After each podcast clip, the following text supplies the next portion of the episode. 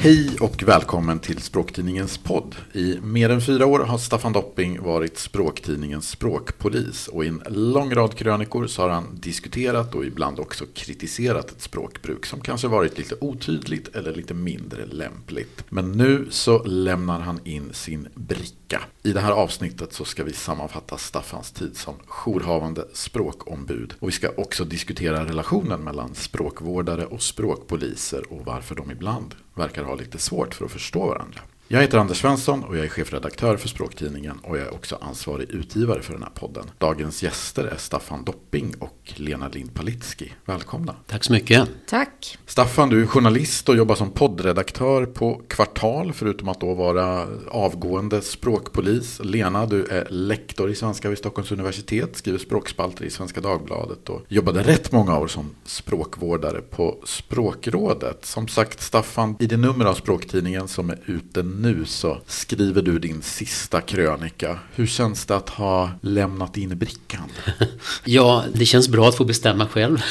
Som de brukar säga, statsministrar och vd och sånt där. Och jag är väldigt glad för de här fyra åren och älskar att hålla på med språket. Men jag kan också bli lite trött både på mig själv och den här känslan av att man ibland kanske måste krysta fram en idé och sånt där. Så att jag tycker att jag har gjort mitt nu. Och ditt skifte är över alltså? Mitt skifte är över och det ska bli otroligt spännande att se när HR-avdelningen har jobbat här med vem ska efterträda mig på den här, det här tjänsteutrymmet. Det vet inte jag någonting om alltså men antar att det pågår väl ett rekryteringsarbete. Det lär ju inte bli jag i alla fall. Nej, det, det lär nog inte bli du va? om, om vi skulle börja där på en gång bara för att ta den tråden. Lena, när du säger att det skulle inte bli jag. Varför skulle du inte vara lämplig i den här rollen?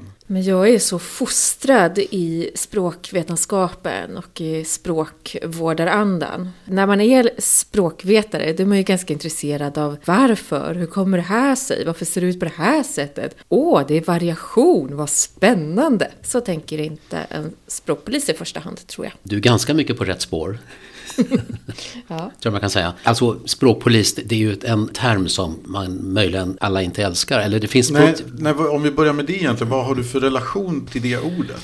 Ja, jag är lite ambivalent, men för att jag vill ju inte vara en sån här sur felfinnare som, som använder sina språkliga käpphästar för att sätta sig på andra, vilket är uppfattningen om språkpoliser hos en del, jag har tagit del av, och folk tar avstånd från denna vidriga kategori personer i offentligheten. Men för det första så tycker jag att det finns en slags gott polisarbete, eh, den gamla mottot då, skydda, hjälpa, ställa till rätta. Det vill jag gärna vara och samtidigt så känner jag att det är bra på att man säger här har vi språkpolisen Staffan, för då blir det så uppenbart att jag inte är professionell språkvårdare. För det är ju ingen som tror att man kan vara språkpolis och språkvårdare eller språkforskare samtidigt, eller hur? Så att min roll blir tydlig. Idag kanske det är så skulle jag säga. Jag vet inte, Lena, jag tänker en sak som sägs från ja, språkpolishåll, om vi nu ska generalisera. Så, om, en sak som hörs ibland från språkpolishåll är ju att man tycker att dagens språkvårdare är ganska slappa. Och om man tittar historiskt, jag vet en som jag själv läst ikapp mig på av lite olika skäl. En som heter Erik Velander som ju kom med den här stilbibeln Riktig svenska, första upplagan 1939. Och även då en annan som var tongivande under stor del av 1900-talet, Bertil Molde. Det var ju mycket mer pekpinnar och ganska tydligt. Det här är rätt, det här är fel. Också ganska mycket värderingar. Det som man tyckte var ett olämpligt språkbruk kunde man behandla, ja, men beskriva på ett ganska nedsättande sätt. Lite nedlåtande. Alltså Lena, har det hänt någonting med språkvården? Om vi liksom hoppar tillbaka, säg då till ja, men Erik Velanders tid, mitten på 1900-talet och idag. Hur har, den, hur har språkvården förändrats? Men språkvården har ju förändrats på exakt det sättet. Att den var mer pekpinnig förut. Att man pekade mycket mer med hela handen. Och det har ju flera orsaker. Dels eh, var det ju en tid som var mycket mer så att man litade på auktoriteter. Och eh, sen kom hela liksom, jämlikhetsrörelsen och allting sånt som påverkade språket jättemycket. Men sen har det ju också att göra med hur språket i sig har förändrats. Att de som skrev i offentligheten då, sägs för 50 år sedan, de var ju väldigt mycket färre än de som skriver i offentligheten idag. Språket har ju demokratiserats på det sättet att vi har släppt fram många fler människors röster i offentligheten och därmed också många fler människors språk i offentligheten. Och då ser ju liksom språket helt annorlunda ut. Och det påverkar ju också hur språkvården tänker. För då tänker man sig, men vems språk ska egentligen vara norm? Är det självklart att den här klicken som sitter och bestämmer eller de här som är journalister eller så, är det deras språk som ska vara norm? Varför är det inte ungdomarnas språk som kan vara norm? Eller varför är det inte de som har svenska som andra språk? Varför ska deras språk ses som fel? Alltså det kommer in massa sådana perspektiv liv. I språkvården också. Mm, jag, jag, får en känsla av att språkvården inte vill vara normativ alls. Vi, vi, vill slippa det här med att normera. Men så är det ju faktiskt inte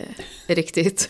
Är det inte så? För det första kan man ju tänka sig, vilka är det som är språkvårdare? Det kan man ju fundera man, man pratar om språkvården kanske lite slarvigt. Och jag vet inte, vem tänker du på som, som är liksom språkvårdare i så fall? Ja, jag tänker på de som syns i tidningarna och som, som företräder språkrådet. Eh, eller som jag har hört talas om och, och snubblat över på språkdagar och sånt där. Ja på dig och andra som, som Språktidningen har ju massor med, med språkvårdare, eller massor, men, och de här svaren i Dagens Nyheter. Det, det, är de där jag tänker på. Ja, för jag tänker nog på språkvården lite bredare än så. För det är ju klart mm. att, att de du tänker på är språkvårdare. Men också SOL-redaktionen är väl kanske den största språkvårdande instansen vi har i Sverige. Eller SO-redaktionen, de som sitter och gör de här mm. ordböckerna. I alla fall i SOL är ju normativ. Och Sen tänker jag också att vår största språkvårdargrupp vi har i Sverige, det är ju kanske svensklärare. Och de som sitter och talar om för eleverna vad som är rätt och fel. Och de är väl normativa. Och sen så är det klart att det finns språkvårdare på till exempel då Språkrådet som ger rekommendationer och som följs av väldigt många. Och jag skulle säga att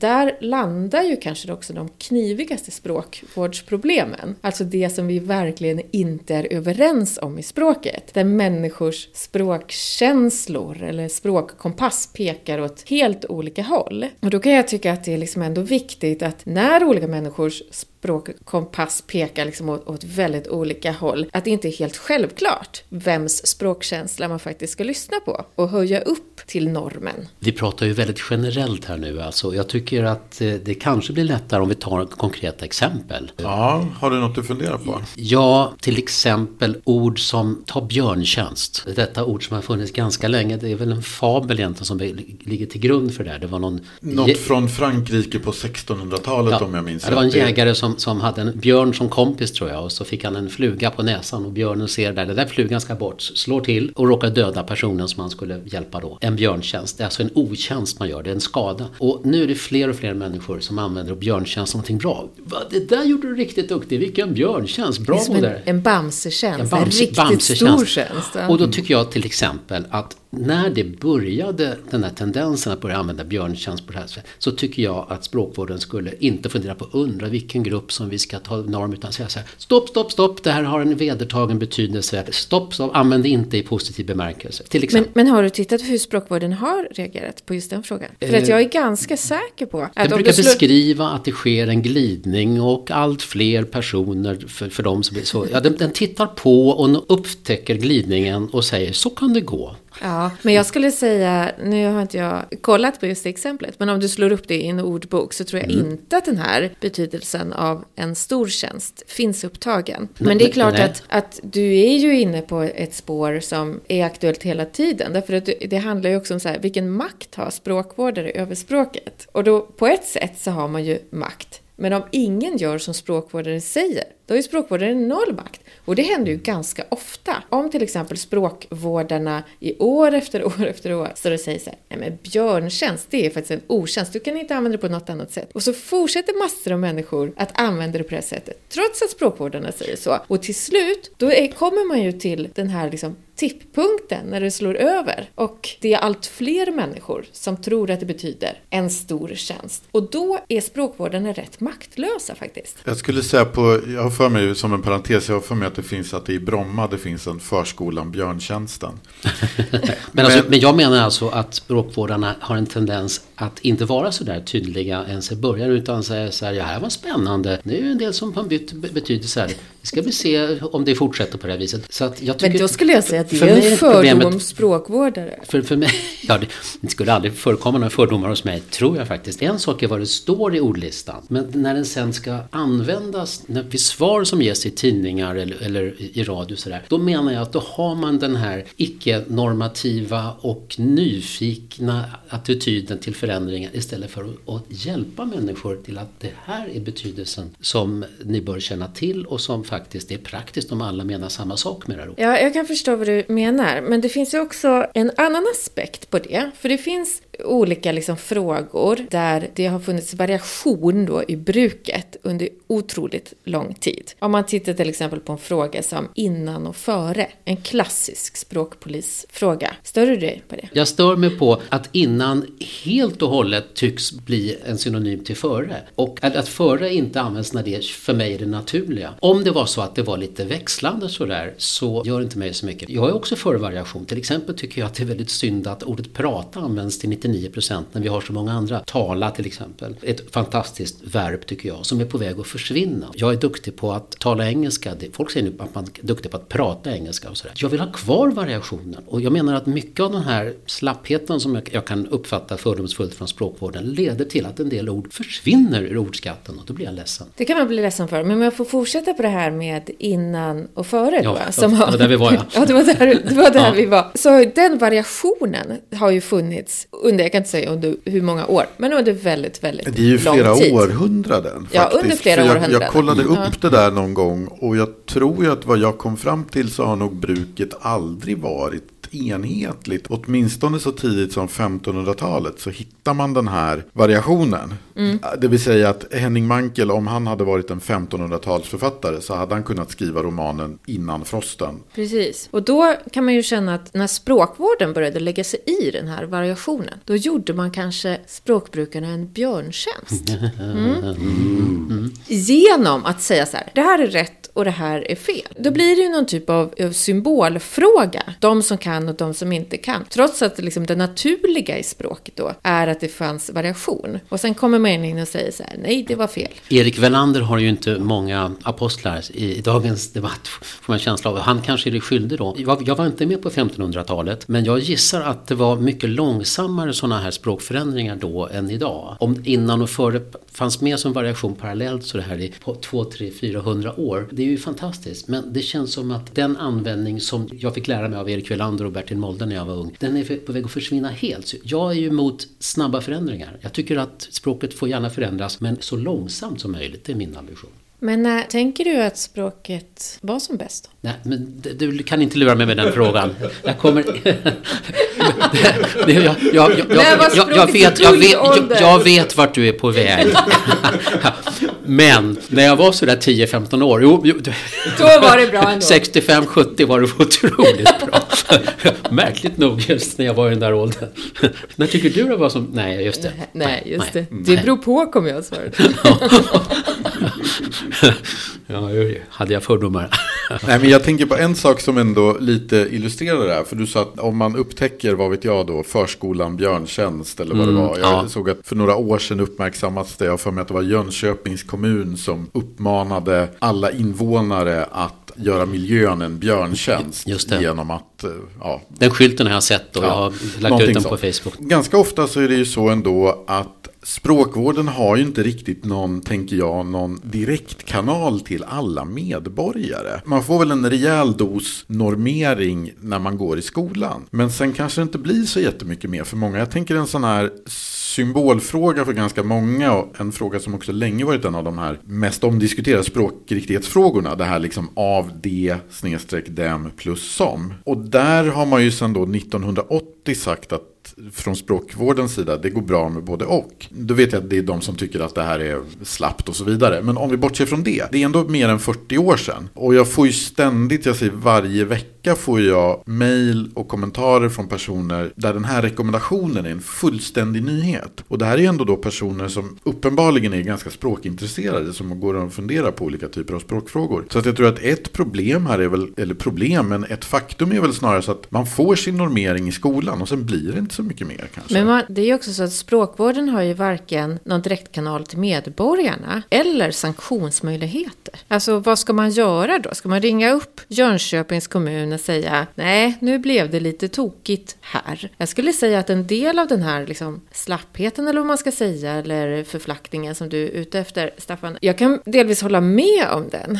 Men jag tror att den snarare inte beror liksom på hur språkvårdare argumenterar, utan att det kanske beror på just att vi ser fler människors språk i offentligheten. Det tror jag är en jättestor orsak. Men också att vi inte har några korrekturläsare kvar på några redaktioner. Så det fanns på alla redaktioner språkvårdare som också samarbetade och satt i samarbetsorgan med till exempel Språkrådet. Då hade ju också en myndighet som Språkrådet andra kanaler att nå ut, när man kunde nå ut direkt till redaktioner och så vidare. Nu finns den här så kallade mediespråksgruppen fortfarande kvar. Det är nästan inga redaktioner tror jag som har språkvårdare anställda. Det är på SVT SR det finns. Jag invänder inte mot din beskrivning här, men här finns det faktiskt strukturella problem också, hävdar jag. Och till exempel så är det så att många av de här rekommendationerna som till exempel Mediespråk Språkgruppen och Sveriges Radios språkvårdare ger, som är utmärkta, de följs inte. Och det är okej. Okay. Det accepteras att man faktiskt, det är frivilligt. Ta om du vill så har du en rekommendation. Det är lite grann som Folkhälsomyndigheten förresten och hur man ska, man ska ha munskydd eller inte. Och ha gärna lite avstånd om du känner att det finns risk för trängsel. Det är lite grann samma sak här. Den där strukturen att det finns rekommendationer som du själv väljer om du vill följa eller inte leder ju till att, att det blir variationen är så att säga beroende på vad folk har för kunskap eller vem de har i sin närhet. Man härmar varandra och så vidare. Och men det, det är kanske till, där korrekturläsarna kommer in. Det har lett till ytterligare osäkerhet. Ja, men alltså det faktum att man sorgligt och felaktigt har avskaffat korrekturläsare gör ju inte att det är lyckat att ha så att säga samma försiktiga förhållningssätt. Jag tror jättemånga människor där ute, särskilt en del människor som är nytillkomna till Sverige, skulle önska berätta för oss vad jag ska säga. Berätta inte bara att det finns flera olika sätt utan jag, är, jag kan inte lära mig tre olika varianter. Om jag bara ska lära mig en, vilken ska jag ta? Snälla ge mig ett råd. Och min uppfattning är att det, det skulle kunna ibland göra mer nytta än att säga så här. Då tycker jag att du ska säga så här. Men så gör språkvården ganska ofta, skulle jag säga. Det känns inte så. Nej. Nej, men en sak som har förändrats, det är väl som sagt, jag var ju inne på det lite tidigare, att, att i vissa fall så har ju inte pekpinnarna är kanske inte riktigt lika hårda idag, eller vad man ska säga. Men samtidigt så tänker jag också att om vi går tillbaka till, ja men vi nämnde Erik Velander tidigare, han uttrycker sig ju rätt så nedlåtande i vissa sammanhang mm. i liksom när han fördömer ett, en viss typ av språkbruk. Han var lite emotionell va? Han, jag vet var... inte, vad intressant, var ni? Eller så här, ursäkta att jag avbröt dig Anders, men jag vet att jag som språkpolis, jag tror att jag är mer emotionell i mitt förhållningssätt till olika språkvarianter och, och saker som jag tycker är olämpliga än vad ni språkvårdare är. För att ni är mer osentimentala och har forskarens nyfikna blick på förändringar. Medan jag faktiskt värnar saker och ting som jag vill bevara. Jag misstänker att Velander kanske också var, som jag, lite emotionell i sin relation till språket. Det jag tänkte säga var kanske snarare att han företrädde ju inte någon myndighet. Men jag kan tänka mig att det kan vara svårt för en, en myndighet att gå ut och säga att vissa medborgares språk är dåligt därför att. En förklaring också kanske till den här attitydförändringen och språkvården tänker jag kanske är just det här också att vi kan ju idag studera språkbruk på ett helt annat sätt, åtminstone skriftspråk. Att man kan titta i textdatabaser och man kan söka i bloggtext och hur folk skriver på Twitter och så vidare. Så att man kan ju på ett helt annat sätt väldigt snabbt undersöka hur språkbruket ser ut och inte då bara professionella skribenters bruk, alltså det som vi har i tidningarna, utan också hyfsat informellt språk som i bloggar och sådär. Och då kan man ju få också en annan bild av det. För en känsla som jag får när jag läser Erik Velander. Han var ju en högutbildad man i medelåldern. Han var ju jag, också det tyska. Ja, och jag tror att det språkbruket som han beskriver som idealiskt och, och, det är det som bör förekomma och det som inte är så här är ganska apart. Idag så har man ju som sagt möjligheten att se lite mer hur en betydligt bredare krets än ens bekantskapskrets eh, skriver och i viss mån talar. Och det är ju förstås väldigt intressant men det har också gjort det svårare att vara kategorisk. Ja, det är svårare att vara kategorisk och det hänger ihop med det här med att fler människors språk syns i offentligheten som jag säger. Förut var det ju en väldigt, väldigt liten klick och då var det också deras språk som var maktspråket. Så jag tycker också att den här demokratiseringen av språket har ju liksom också en maktdimension. Att man inte kan säga att ja, men just du som har fått en plats i offentligheten, det är ditt språk som ska gälla och vara det enda rätta. Jag vill gärna komma tillbaka till det emotionella som du sa, Staffan, om att eh, du är mer emotionell och kanske vad Welander är, det vet vi ingenting om. Men när jag jobbade på Språkrådet, där finns det mm. en frågelåda med flera tusen poster man kan slå upp saker. Och ibland hittar man väldigt gamla poster som ingen hade tittat på på länge. Är du gräver i sånt ibland? Ja, jag grävde mycket i det då när jag jobbade på Språkrådet. Ja. Men då kunde man se ganska många formuleringar så här. Det låter inte snyggt. Det här framstår som löjligt. Det är löjeväckande. Alltså väldigt emotionella... Låter som jag har skrivit det. Ja!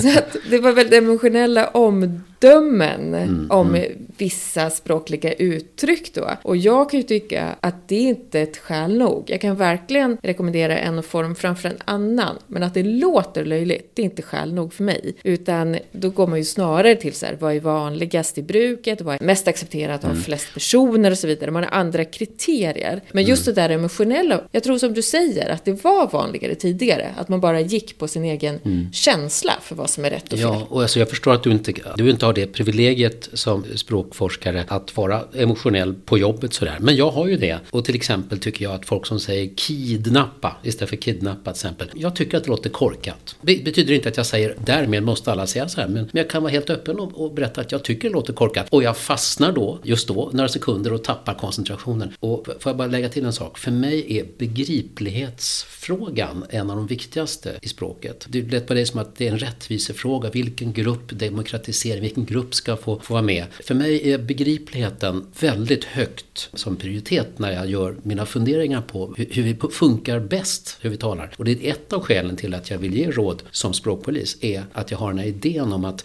vi kanske kan förstå varandra bättre om vi blir lite klarare över vad vi menar med olika ord. Men vems begriplighet då, tänker jag? Ja, de som kommunicerar med varandra. Mm. Och de är ju väldigt många olika typer mm. av människor. Jag tänker att när jag ibland kommunicerar så fattar inte mina tonårsbarn vad jag säger, för jag använder ord som de inte begriper. Och när de kommunicerar med varandra så använder de en massa konstiga ord, förkortningar, saker som jag mm. inte begriper. Så vad som är begripligt, det liksom varierar ju med sammanhang, personer och så vidare. Jag har en bekännelse att göra och det är att en del av mitt språkintresse beror på att mitt yrkesval som journalist. Och eftersom jag då har de senaste åren jobbat med journalistik som ska nå ut till en väldigt bred krets, samhällsprogram för folk i hela landet. Då har jag det här journalistiska perspektivet på begriplighet. Och då, det är ju ännu mer komplicerat än när du Lena ska vara begriplig för dina tonårsbarn. Utan det är ju en otroligt heterogen skara i samhället som till exempel nyhetsprogram och samhällsprogram och intervjuer ska ge. Och det är otroligt svårt förstås förstås att vara begriplig för, för den här blandade skaran. Men man kan ju försöka och då menar jag att det finns en poäng att jag försöker hitta ett språkbruk som når ut till väldigt stor del av befolkningen, inklusive de som inte har levt lika länge i Sverige som jag själv. Men det håller jag absolut med om. Och jag tror också att ibland i den här språkpolisdebatten så måste man också fundera på, som språkvårdare ska man fundera på så här, vems språk ska man faktiskt vårda? Var är det viktigt? Och språkvården som språkrådet, de sysslar ju framför allt med den offentliga svenskan. Alltså den som myndigheter skriver eller som, ja för all del liksom i media eller så. Det mm. som är den offentliga svenskan. Och den kan man ha synpunkter på. För de, den har liksom de aspekterna som, som du mm. säger. Här ska vi nå ut till flest människor. I språklagen står det ju att språket ska vara vårdat enkelt och begripligt. Men den typen av språkpoliseri som man ofta vänder sig emot, det är ju det här kanske det privata språket eller hur man pratar i, hemma i sitt vardagsrum eller kollegor emellan i lunchrummet. För att om man där börjar anmärka på människors språk, då liknar det ju någonting annat. Då blir det det här tillrättavisande, lite mm. härskarteknikaktiga. Och det är väl den typen av språkpoliseri som i alla fall jag vänder mig mest ja, emot. Jo, men jag har ju inte hållit på med det, utan det är ju nästan bara det offentliga språket som, som jag har kritiserat och gisslat. Du rättar liksom inte dina vänner, nej, din familj nej, eller någonting så? Du gör inte det? Nej, ja, eller dina mina, barn? Min, mina barn är utsatta för en väldigt speciell behandling och det får, jag vill gärna låta dem berätta själva om det. Men nej, håller inte på med detta i lunchhem och sådana saker. Vilken förvåning om det är de som skulle ta över som språkpoliser i språktidningen. de kan alla mina käpphästar. Men, Fostrade i doppingsandan. Men, men, trots att jag så att säga inte hånar och förlöjligar människor vid lunchbord eller, eller i kassakön på ICA. Trots det, så även mitt sätt att språkpolisa gentemot journalister och myndigheter är ändå illa sett hos en hel del personer. Det är ändå så att man tittar lite snett, uppfattar jag. Det finns ofta, särskilt i vissa språkvårdares kolumner och så här, så, så finns det mellan raderna ett förakt för människor som överhuvudtaget ägnar sig åt att säga det där var inte så lyckat. Så att det, även mitt språkpoliseri som jag tycker är, är modernt och hänsynsfullt blir kritiserat. Ja men det är klart att jag tycker ju som, vad ska man säga, som textkonsument eller vad man ska i den liksom, om jag läser eller lyssnar eller så. Så det är klart att jag tycker att jag kan ha helt andra förväntningar på personer som på något sätt har språket som arbetsredskap. Jag reagerar på ett annat sätt om jag läser i en text i Expressen eller DN, om, om jag märker att det är en reporter som inte kan göra rätt på det och dem. Ja, även om jag inte skulle på något sätt reagera offentligt på det så blir jag ändå lite så här, ja men kom igen då. Att du som skriver i det här mediet, du borde ha koll på när det ska vara det och när det ska vara dem. Och om du inte behärskar det här, skriv hellre dem. Då blir i alla fall inte jag så irriterad. Medans, ja, medans även jag, du Anders. ja, i, i det tysta. Så det finns ju, jag tror att även, och det tror jag även du Lena, gärna har att som språkintresserad har man ju ett emotionellt förhållningssätt till språket. Jag irriterar mig på jättemånga saker. Nu kan det sägas. jag har aldrig stuckit under stol med det. Alltså jag har träffat Bertil Molde in the flesh eh, när jag var ung journalist. In the flesh? In, ja, ja, kan alltså... du översätta det? Vi var i samma rum.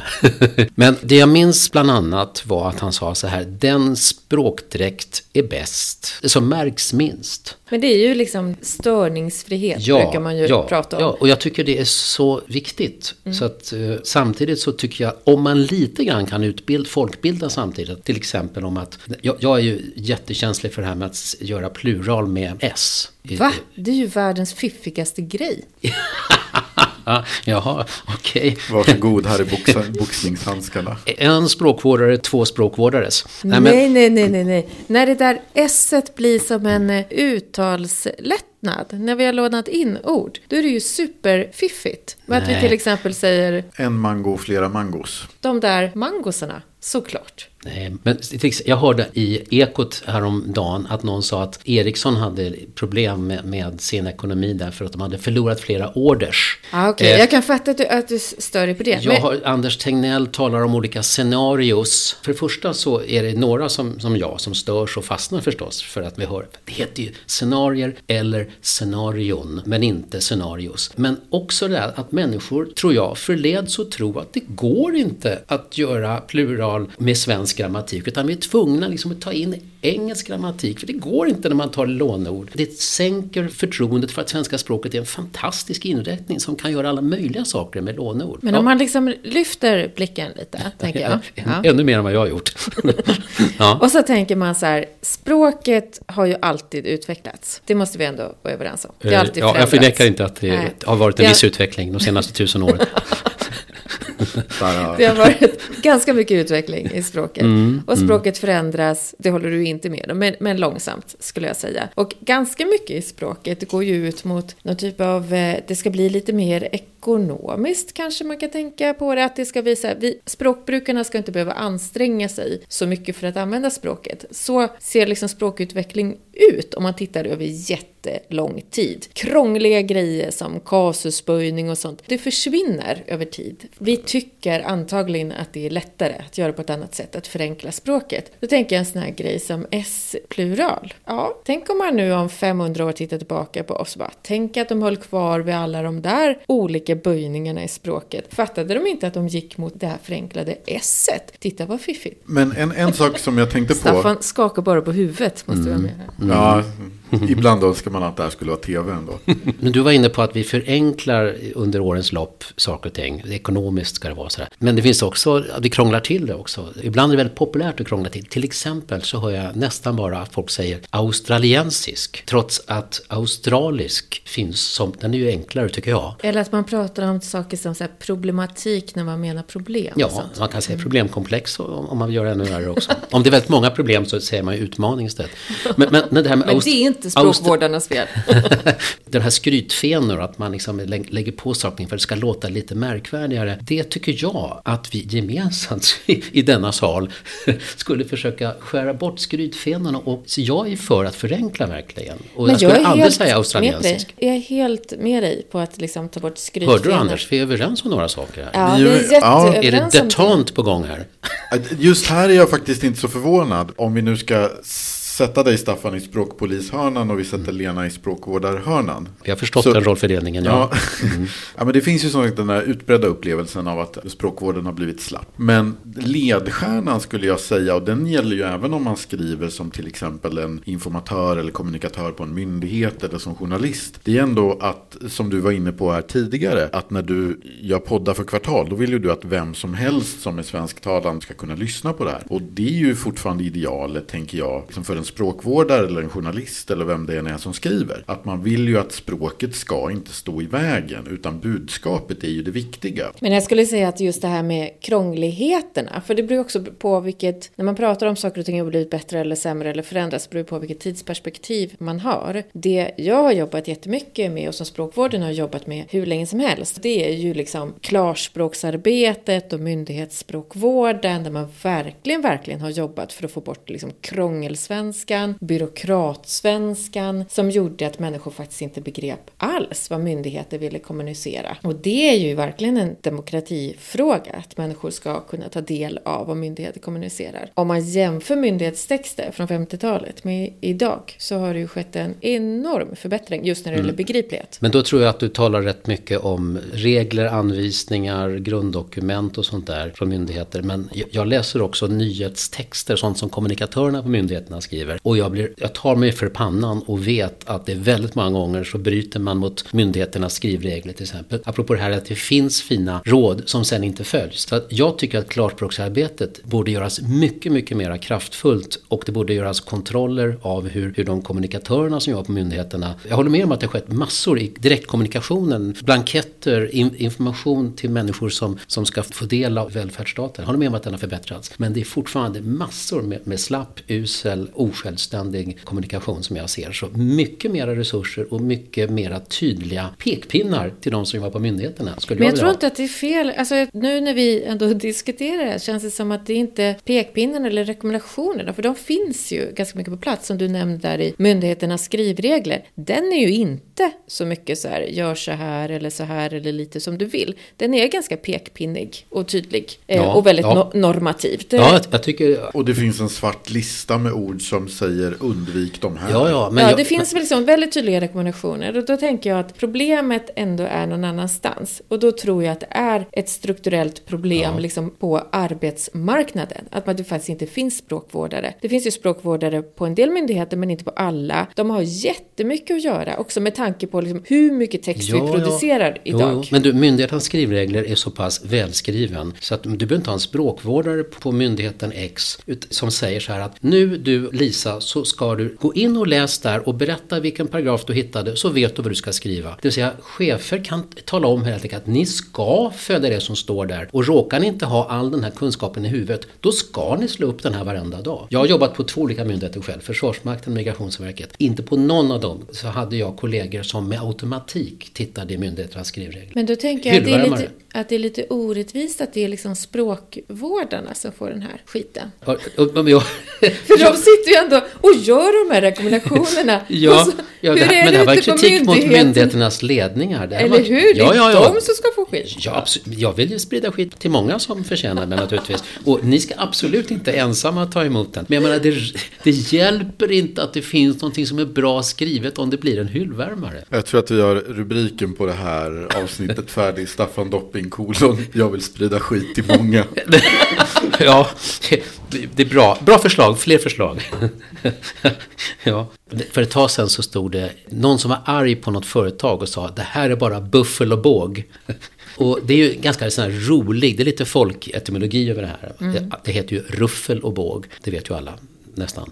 Men där undrar jag så här, ska tidningen bara liksom skriva av där i rubriken? Det, det är buffel och båg, eller ska, som om det var något naturligt? Jag, jag, jag är lite kluven själv faktiskt. Men, ja, det är en delikat fråga. Men jag måste erkänna att jag hånskrattar lite grann där, just för att tidningen har lyft upp den här felaktiga beskrivningen till en rubrik och sånt där. Det finns faktiskt, jag hånskrattar sällan åt Nej, jag vet förstås naturligtvis inte. språk, men det finns en sak jag hånskrattar åt. Och det är när språkpoliser rättar och själva gör fel. Det tycker jag är jätteroligt. Det, grotta i det här Anders. Det här är någonting som ligger djupt hos språkvårdarna. De måste på något vis kunna sparka oss språkpoliser på smalbenen ibland. Ja, men jag, jag får ju väldigt mycket mejl både från, från språktidningens läsare och mellanåt ännu mycket mer så från de här samarbetet med DN. när vi skriver krönikor där. Det är inte alltid de som vill slå hårdast med batongen som är mest vältaliga kan man säga. Någon ganska nyligen ville nita mig för att han tyckte jag var för, gav uttryck för en för liberal synpunkt och då anmärkte han också på mitt språkbruk genom att säga att dessutom har ju du inlett meningar med och och men och det fick jag minsann lära mig redan på lågstadiet att så gör man inte. Jag vill ju inte vara superdryg även om jag tror att det kan vara en paradgren men det är svårt att bemöta den typen av synpunkter också på ett sätt. Ja, att det... Utan att slå den personen i huvudet då ja. med att säga att det är verkligen okej att börja med, med och element. Precis, för jag var så här, oj, titta, det här kallas för pedagogiska lögner som förekommer i skolan. Mm. Rimligt ransonerat så går det alldeles utmärkt att börja meningar med och och men. Mm. Nej, men absolut. Men man tänker då att den här typen av så här, jag har minsann lärt mig i skolan och därför är det rätt. Det är väl kanske den inställningen som språkvårdare ibland kan vända sig mot. Dels lär man sig saker i skolan som är liksom extremt mycket mer kategoriska än vad de sen är i verkliga livet. Just för att de är en typ av pedagogiska lögner för att få små barn att göra på ett visst sätt. När man aldrig liksom har frågat sig varför, varför skulle man inte kunna göra på det här sättet eller varför ser språket ut på det här sättet, utan man bara liksom rapar upp de här, det här har jag minsann lärt mig i skolan, därför måste det vara korrekt och det vill jag gärna slå andra i huvudet med. Det är väl den typen av, av språkpoliseri som man tycker är lite tröttsam ibland, skulle jag säga. För då blir det ju snarare som, som ett maktmedel eller en härskarteknik eller så, med att vara språkpolis. Mm. Ja, kommer det, jag tänkte på Staffan, det du nämnde här i början, ditt motto. Ja, skydda det, det polisiära principerna att skydda, hjälpa och ställa till rätta.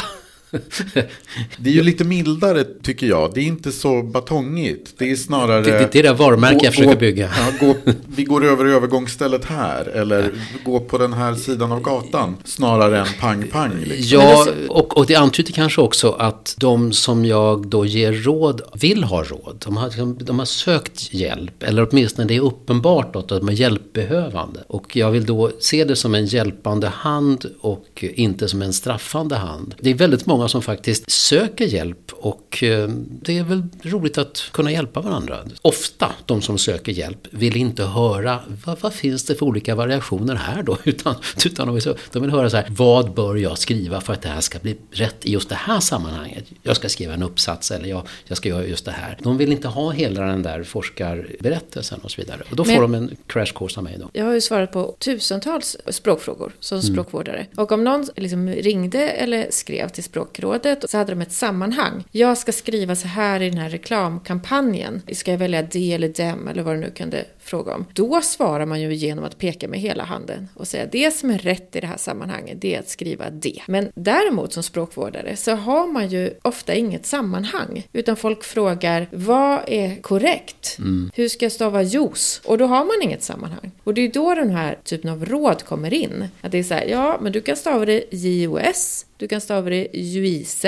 och det beror lite på vilket sammanhang du har eller vilka som är dina mottagare eller hur du stavar saker i texten i övrigt. Därför att det går inte att säga gör på det ena sättet eller gör på det andra sättet. Därför att svaret är det beror på. För att det är så generellt frågat så att säga. Frågan är sån, ja. Och det är den typen mm. av rekommendationer som språkvården ger. De ger ju rekommendationer som inte är sammanhangsberoende. Men jag skulle säga att språkvården ja. är ju språkpoliser på det sättet att de är de här trafikpoliserna som står och pekar lite. Så kanske någon kommer fram och frågar om vägen. Och så mm. säger man om du tar den där vägen, då då kommer du runt och får en vacker utsikt. Men tar du den där vägen kommer du snabbast fram och tar du den där vägen blir det på det sättet. Du, säger, du kommer att nå målet men du kan ta lite olika vägar dit. Den typen av poliser är ju, mm. är ju språkvårdarna. Men tror ni inte att kärleken till svenska språket också är en faktor ibland till att vi gör våra ställningstaganden? Jag tänker till exempel på det här med att